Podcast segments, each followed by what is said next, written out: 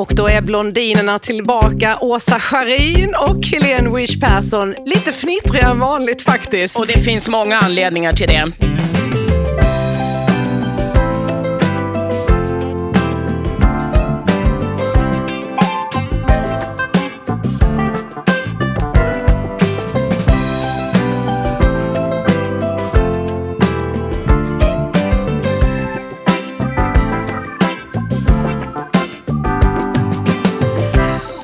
Heter En hyllning till livet och eh, vi är väldigt glada att eh, vi får ses igen du och jag Åsa. Det känns som det var så väldigt, väldigt länge sedan. Du har ju varit iväg och jag har ju hållit på med ja, att leva. Bara, bara en sån sak. Och jag sitter just nu och tänker att jag knappt ser dig. Och, och, och gnäller över att jag har eh, fått sämre syn. Ja, du vet, det är sånt där som händer. Eh, tyvärr. Och det går, det går snabbt. Jag har ju progressiva glasögon och jag fick just nu be om lite mer ljus så att jag skulle se, se varandra överhuvudtaget. Ja, men vi, nu ser vi varandra mm. i alla fall. Du får bortse från rynkor och annat sånt. Ja, ja, ja. De, På mig alltså? Ja, men du, de är bara vackra.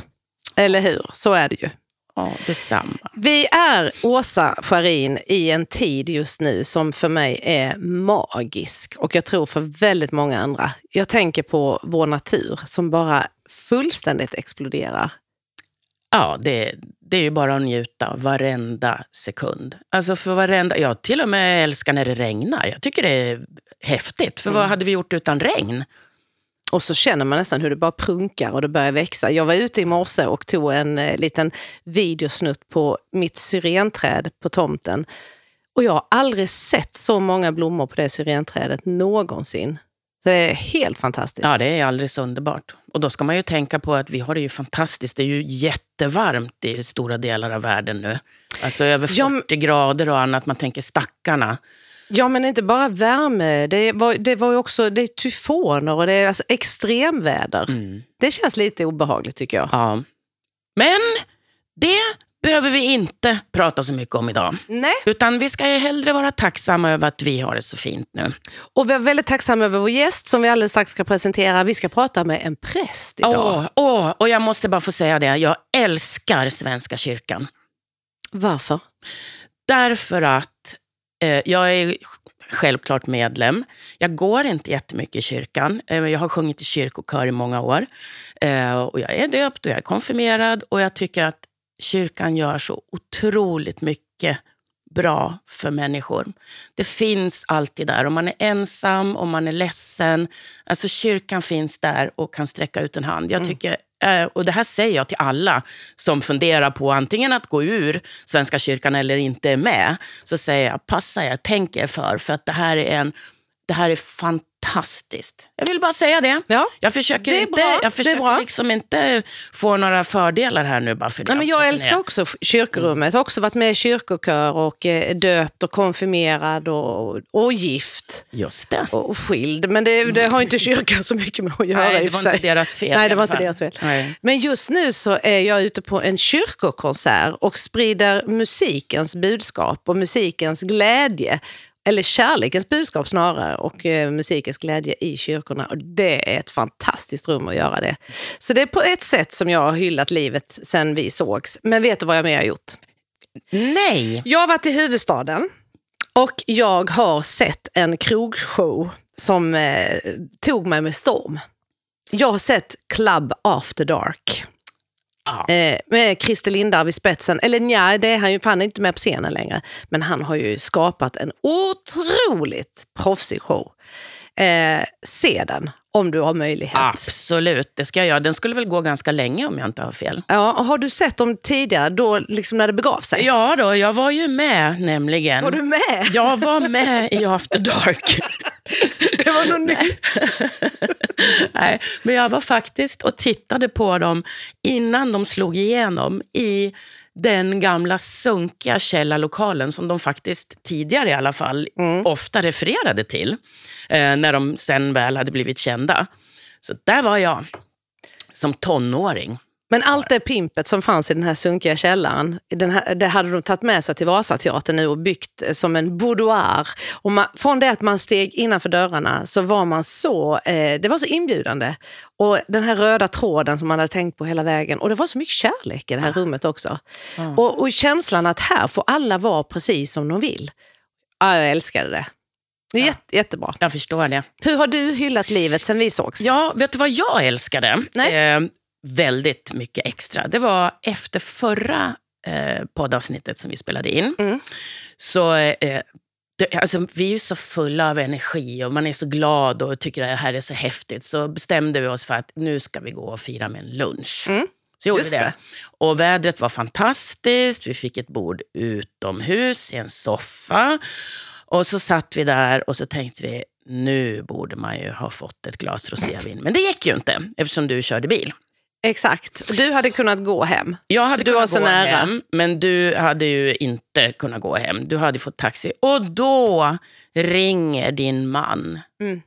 och säger, det är klart att ni ska dricka rosévin. Jag tar bussen in till stan Och kör hem. och kör hem. Det var då jag förstod Alltså- varför vi var gifta. Ja, jag också kan jag säga. Alltså, ja. Så fick vi, först fick vi varsitt glas rosévin. Och sen, Sen spårade det ur. sen, spår, sen fick vi varsitt glas rosévin till. Ja. Och alla, det som är så underbart var ju, vi satt ju där och bara älskade livet. Och alla som gick förbi. ja men kommer du också ihåg, detta var ju en måndag. Ja! Och liksom det är inte kutym i Sverige, i Kristianstad där vi satt, att man sitter och dricker rosé. Du och jag vi delade på en flaska till slut. Alltså, Och vi var så glada och härliga tyckte vi själva i alla fall. Helt Eh, men Ja, folk stannade och de hade så gärna velat stanna längre men de var ju på väg någonstans. Mm. De hade en tid att passa, nej det går ju inte. Och, jag, och vet du vad jag kände mest då? Nej. Förutom att sitta där med dig som var helt ljuvligt, men det, den här friheten, den är ju helt obetalbar. Ja. Men det är ju också, det handlar ju om, vissa gånger kan man ju naturligtvis inte ta sig den friheten. Men man kan nog göra det oftare än vad man tror, tänker jag. Bestämma lite mer eh, vad man vill. För att det är ju många måsten som man eh, lägger på sig själv.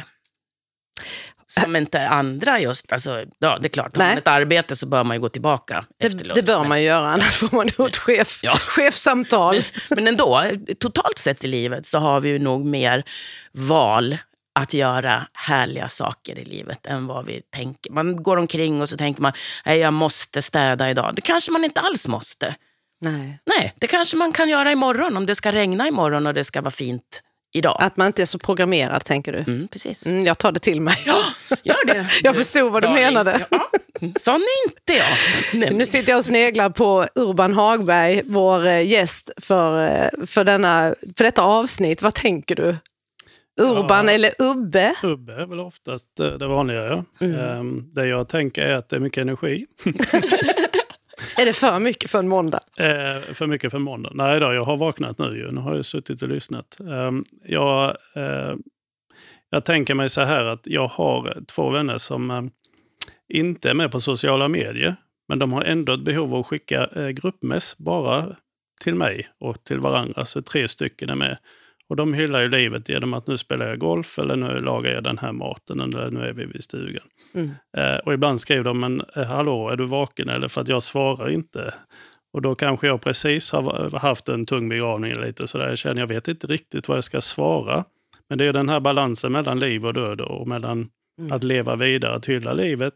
Men också att, att någonstans stanna upp inför döden. Mm. Eh, och ibland krockar de ju när man, när man möts av det exakt samtidigt. Mm. Och samtidigt har jag känt att ja, jag måste ju, de måste ju få vara glada. Ni måste kunna sitta och skratta med ert glas rosé Ja. längs gågatan fast jag kanske går förbi och precis har varit på en begravning för min pappa eller om man nu har en anhörig. Mm. Eh, för livet fortsätter för oss alla ju. Och när, i, i övermorgon är det du som är ledsen och då är det ju... Jag tänker ibland på söndagarna i kyrkan så tänder vi ljus och tackar för de som har dött under, under veckan som har gått.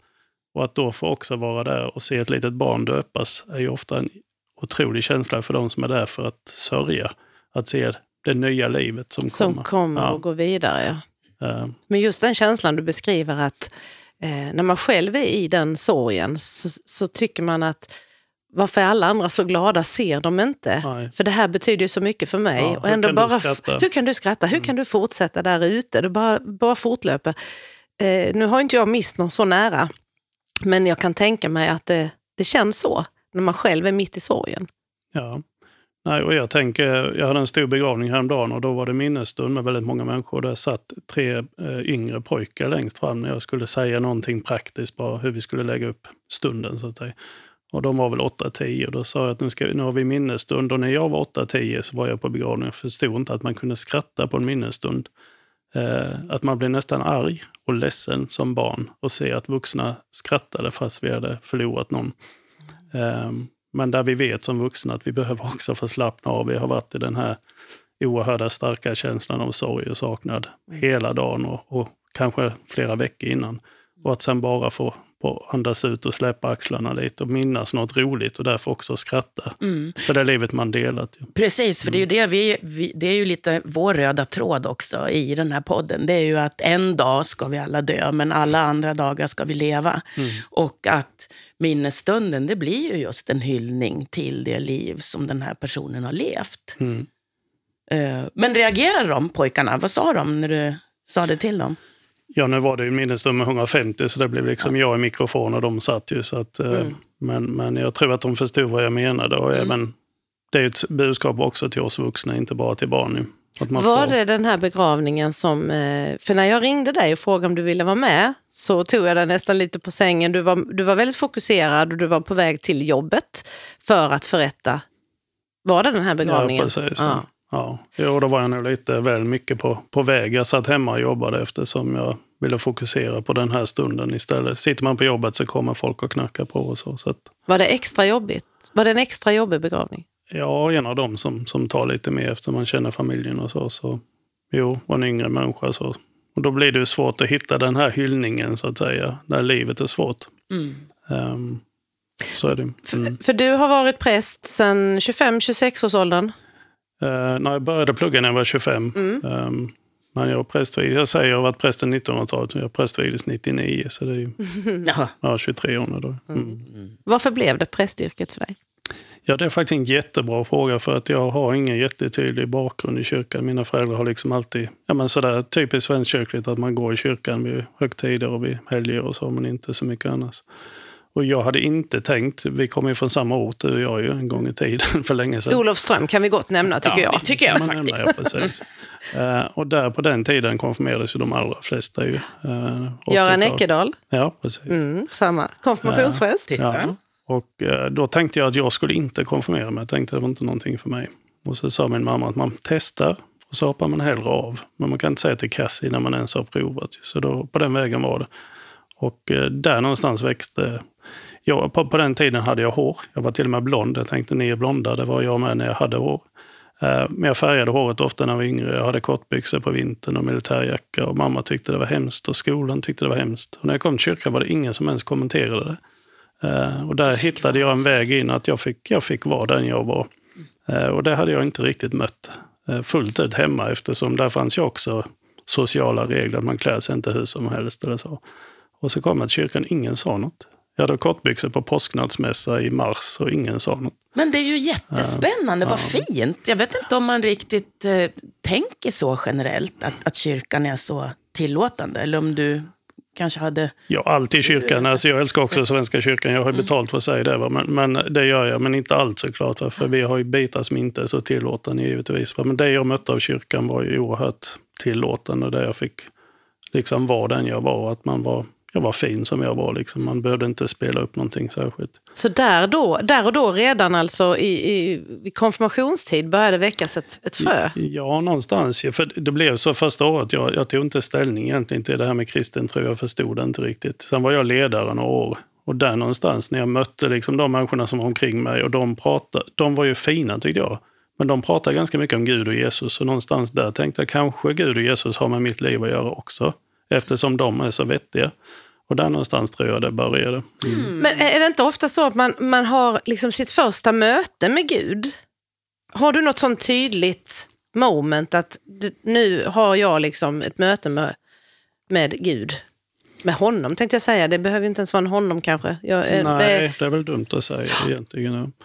Ehm, nej, men man kan väl säga att, att man får den frågan i prästvigningen och sådär, med kallelse, på vilket sätt har man upplevt det? Det finns ju de som upplevt ungefär som vi sitter och pratar att Gud har tilltalat. Och det har inte jag upplevt. Utan för mig var det väl snarare någonstans i, i det lilla andaktsrummet, i tystnaden, i stillheten, eh, i det här ja, andaktsfulla på något vis. Där tycker jag att jag möter Gud enklast. Jag tycker om lovsånger när det är fart och fläkt, men jag kan också tycka om det stilla. ju. Mm.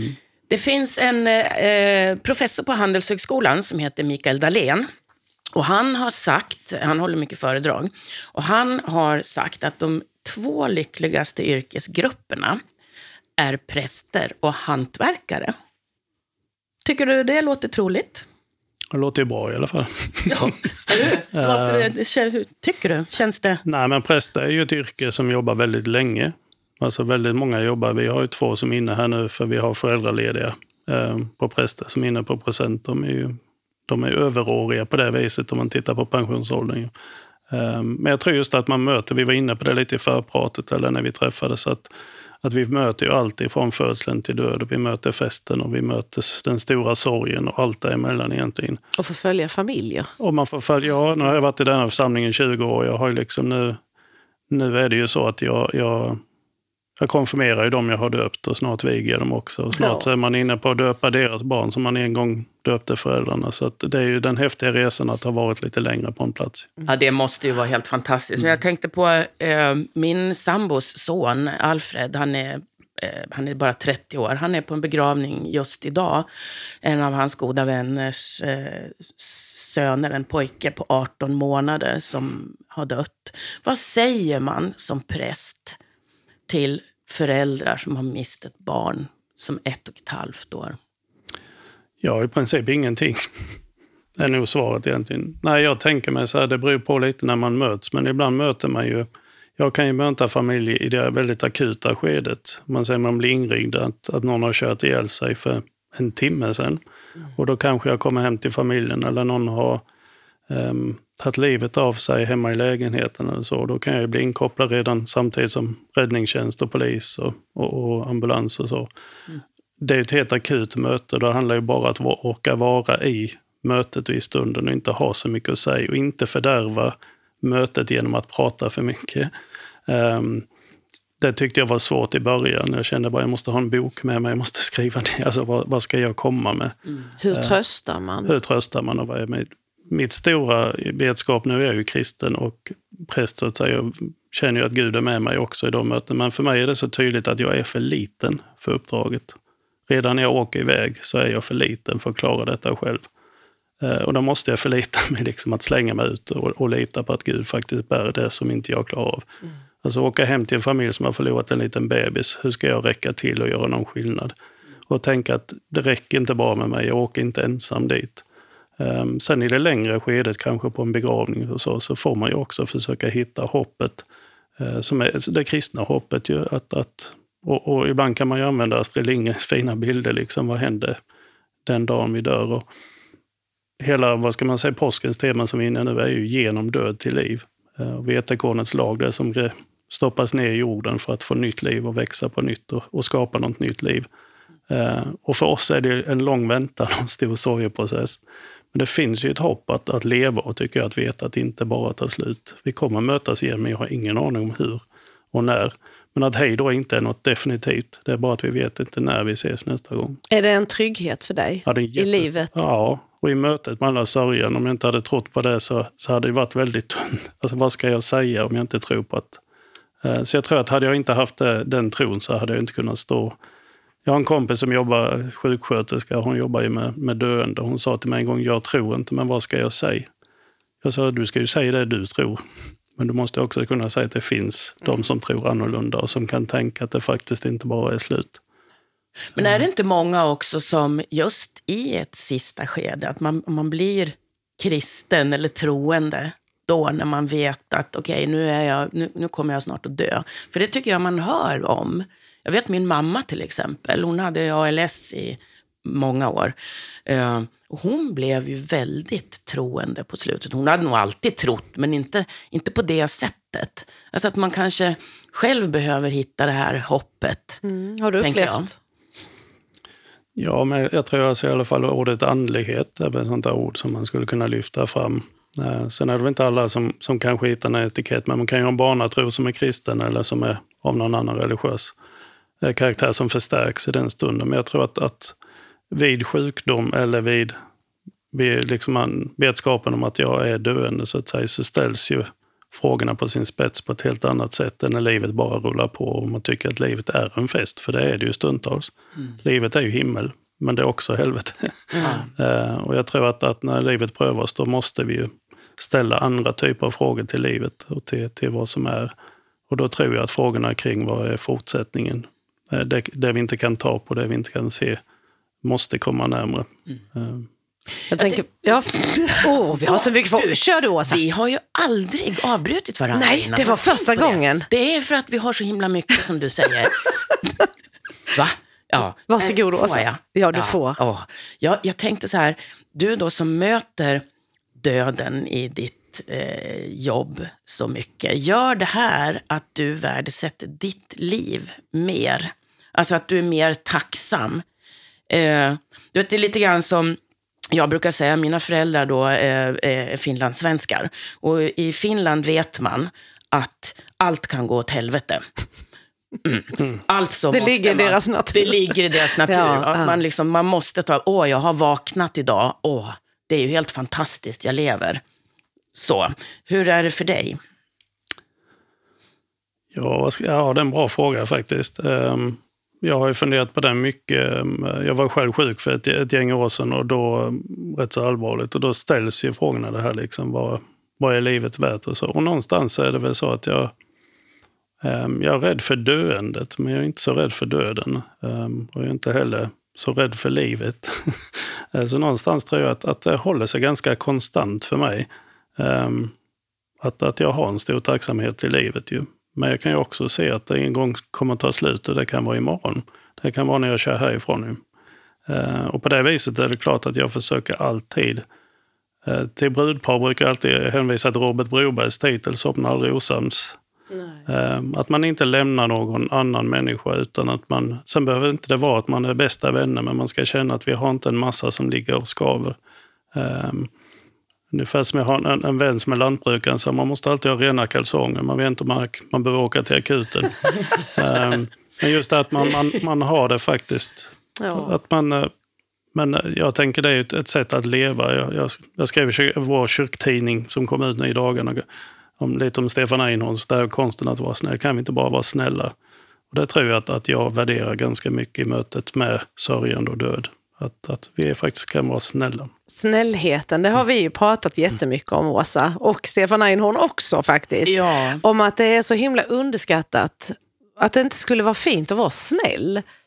Det är ju en fantastisk egenskap. Det är ju helt underbart. Och jag, som sagt, vi, vi, hade ju, vi intervjuade ju eh, Stefan, eh, du och jag, i radio. I radioprogrammet, ja precis. Ja. Ja. Ja, Och eh, just den här snällheten, jag, jag satsar jättemycket på det också. Alltså var snäll. Du vet, jag berättade ju för dig eh, förra gången att jag håller på att mata talgoxar nu med eh, ekologiska cashewnötter. Och det kan räcka för mig på en hel dag. Då har jag räddat, jag måste nämligen rädda ett djur eh, varje dag. Det är mitt motto. Mm ja, hon skojar inte. Nej, Jag- det är sant. Urban tittar på mig. Ja, för att tro... För att Ja, ja, ja, jag ja, nej, det är sant. Nej, jag skämtar jag måste det. Och det är jättejobbigt på vintrarna, för det finns inte så många djur att rädda. Ibland kan man hitta en spindel, men då vet man inte riktigt vad man ska göra av den. För dör den om man kastar ut den eller så. Mm. Men i alla fall med det här då, med den snällheten. Och då, jag vet jag skrev en krönika om, om just mitt matande av talgoxar för ett par veckor sedan. Och så konstaterade jag att ja, man kan göra det. Man kan mata talgoxar en dag. Eller kan man skjuta ihjäl någon? Och så kan man fråga sig vem som mår bäst. Precis. Vad Man säger du om det, Ubbe? Man har ett val. Man har verkligen ett val. Mm. Ja, du var ju själv inne på det och nämnde att du, du blev eh, sjuk för, eh, ja det är ju väldigt på pricken tio år sedan du blev frisk. Ja, precis. Jag konstaterade i morse att, att uh, av en händelse konstaterade att det var denna veckan jag kom tillbaka efter en rätt så lång sjukskrivning efter min hjärtinfarkt. Ja. Så det, ja, det blev en speciell morgon här faktiskt. Ja, och det kom ja. ju mitt i livet. Och tänker ja. man annorlunda nu, tio år senare? Eller har du liksom lagt det bakom dig? Och, alltså, ja. När man är ändå så nära, det kunde gått riktigt illa. Ja, så hjärtinfarkt är just där. Jag fick det på en begravning med, så det blev väldigt, väldigt speciellt på det viset. Ehm, på alla hjärtans dag? På alla hjärtans dag, ja precis. Ja, alltså vad är ehm, oddsen? Mm. Ja. Men nej, det som blev väldigt speciellt var ju att eh, jag levde med ganska högt tempo då.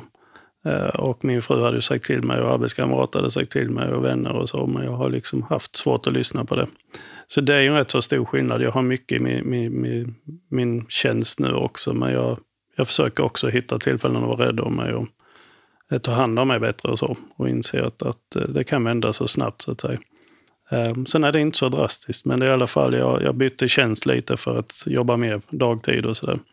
Mm. Och vara hemma lite mer. Och blivit lite mer hemmakatt efter det tror jag faktiskt. Mm. Och vi pratar ju väldigt mycket Åsa om att vi vill hylla livet och ta vara på de där, det kan vara små stunderna som att försöka rädda ett djur. Jag tänker på Åsa varje gång jag försöker rädda ett djur.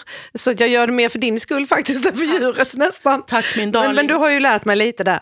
Men det kan ju också vara de där stora händelserna som man bara tänker wow, att jag får vara med om det här. Men hur, hur hyllar du livet i vardagen? Hur får du in det liksom? Nej, men jag tror att jag hyllar, alltså sen lyckas man inte varje dag, men, men jag tror att min hyllning till livet är mycket eh, att ta vara på de sociala sammanhang som jag står i. Även om, ibland är de ju rätt vida och breda, ibland är de rätt små. Men att, att oavsett att, eh, att tänka in de människorna omkring mig. Just nu så, så har jag ganska mycket människor som är arbetsleder. Och, och att jag jobbar mycket på att se medarbetarna att ha en förmåga att lyssna in vad de behöver just nu. Sen finns det säkert brister i mitt chefskap så att säga på andra plan, men just det att, att människor ska ha det bra.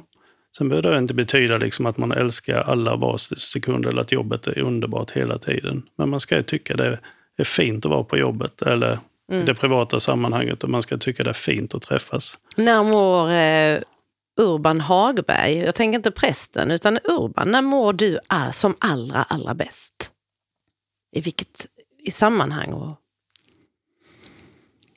Nej, men jag kan, alltså jag har en, en eh, jag har en bild faktiskt. Den är, den är ju 20 år gammal, men den är, den är så oerhört klar. Vi hade varit på bröllop på en, en, en, eh, en lägergård mitt ute i skogen. Liksom. Och eh, det var 20 år sedan, för det var bröllopsdag i fredags för det var brudparet, så därför kommer jag ihåg det. Och eh, en jättefin eh, vigsel och med en av mina bästa vänner, vi var två präster. Eh, och sedan en fantastisk middag och en dans som varade långt in på natten. Så gick vi och badade mitt i natten och så låg vi två kompisar nakna i sjön och tittade på liksom stjärnklar himmel. Och så liksom, just nu känns livet rättvist.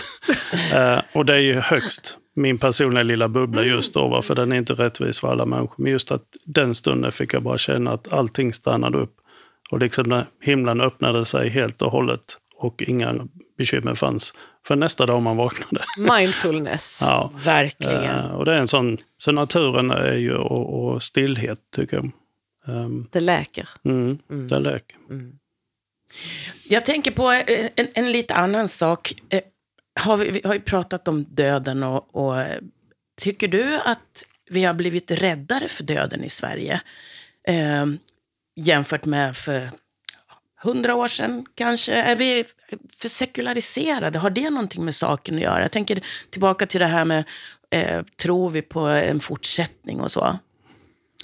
Um, ja, alltså jag tror att, att vi har en liten beröringsskräck eh, kring döden som man inte hade förr. Förr låg man ju till och med hemma på, liksom, folk fick komma hem och titta på den avlidne, man fick gå tillsammans. Det tog flera dagar innan man eh, färdades vidare så att säga. Eh, och nu blir det ju mer och mer vanligt med direktkremation och man har ingen ceremoni, man har ingenting. Och då menar jag inte på att man måste ha en kyrklig begravning, där är vi olika, men att för mig är det viktigt att vi har någonting mm. när en människa faktiskt har dött, som inte bara kan få försvinna. Um, och um, jag blir ledsen när man säger vi ska inte ha någonting och det ska inte märka. Alltså, Och så blir det en kremation, man skriver på ett papper och sen är den människan bara väck. Och det är förfärligt. Det är ju det här Eh. sista minnet. Jag brukar ju också säga så, att det är det sista minnet vi kan få av en älskad person. finns ju ingen chans eh, mer sen. Sen Och- tänker jag de händelserna ibland föregås de. Jag kanske haft relationen har varit kämpig förut, det kan jag förstå. Men Mm. jag tycker ändå det jag har ju haft begravning utan anhörig helt och hållet. Och då pratar vi mycket om vi som tjänstgör, det är begravningsbyrån och musiker, vaktmästare och jag, att, att vi har ju ändå något så värdig begravning vi kan. Vi sjunger kanske någon vers mindre på psalmerna. Jag håller inget tal för det finns ingen att tala till så att säga. Eh, annars så har vi begravning fullt ut ju. Men när man står kanske vid jordbegravning och sänker kistan så står jag helt själv kvar. Ja, det måste Alltså, vad annorlunda. Ja. Så är det ju någonting som är förödande och det är, säger någonting om vår tid. Usch, ja, det känns jättesorgligt. Eh, Att, att för, eh, samtidigt så kan man ju se andra begravningar där det kommer väldigt, väldigt mycket folk och där man delar fullt ut. Ju, så, eh, Ja, men vi pratade ju om det när, när vi sågs ute på parkeringen här. Och jag, jag har ju nämnt i tidigare avsnitt om vår gemensamma vän som, som dog alldeles för tidigt. Cancer, återigen. Men det var en sån personlig och fantastisk begravning om man får säga så. Och det dracks eh, gammeldansk tror jag det var, eller Jägermeister på slutet innan kistan bars ut. Och det var musik och det var liksom applåder. Alltså man applåderade personen i fråga ut i kyrkan. Vilken skillnad det måste vara eh, för, för, för er som, som jobbar i det också. Det är det. Och, och där är ju balansen alltid svår så att säga, me- mellan det väldigt personliga och det som ska passa alla som är i kyrkan. Man säger, den är, inte sagt någonting om just den specifika begravningen, men just det här att eh, det som passar mig väldigt, väldigt bra kanske inte passar de andra 180 som är i kyrkan. Nej. Och det hittar den balansen. Men, Hur mycket man får personifiera det. Liksom. Ja, men lite så. Va? Ehm, jag vet när jag var helt ny så, så, eh, så var det ett litet barn som dog ju, och eh, då ville föräldrarna ha en, en, en, låt. Jag ska inte säga vilken för då blir det tydligt. Liksom, men som jag tyckte kanske blev lite väl personlig. Eh, Så jag sa, men då kanske man kan ha den på minnesstunden efteråt så att säga. Ehm, Då alla förstår sammanhanget och, och så. Ehm, Men däremot så kan jag ju tycka att, att det här att få samlas, eh, att få forma så att säga tillsammans och göra det personligt är ju jättefint ju. Ehm, Jag tyckte du sa en sån bra sak också med det här med musiken. Man väljer, många vill ha musik på skiva eh, medan eh, ni gärna vill ha livemusik i kyrkan. Och jag har aldrig tänkt på det. Kan inte du berätta vad du, vad du menade? Nej, men det, det är lite dubbelt. Jag vet ju församlingar som där man inte har livemusik, eller vad heter det, inspelad musik överhuvudtaget ju. Och så har man de som, som har öppna spel så att säga, allt är möjligt så att säga, om det är rätt musik så att säga. Och sen Eh, är vi väl något mellanting där vi försöker ha ett resonemang med familjen. Vad det är man önskar när man önskar eh, en viss låt. Vad är det man vill få ut av det? Och ibland är det ju verkligen precis exakt den versionen man vill ha och då är det svårt att ersätta.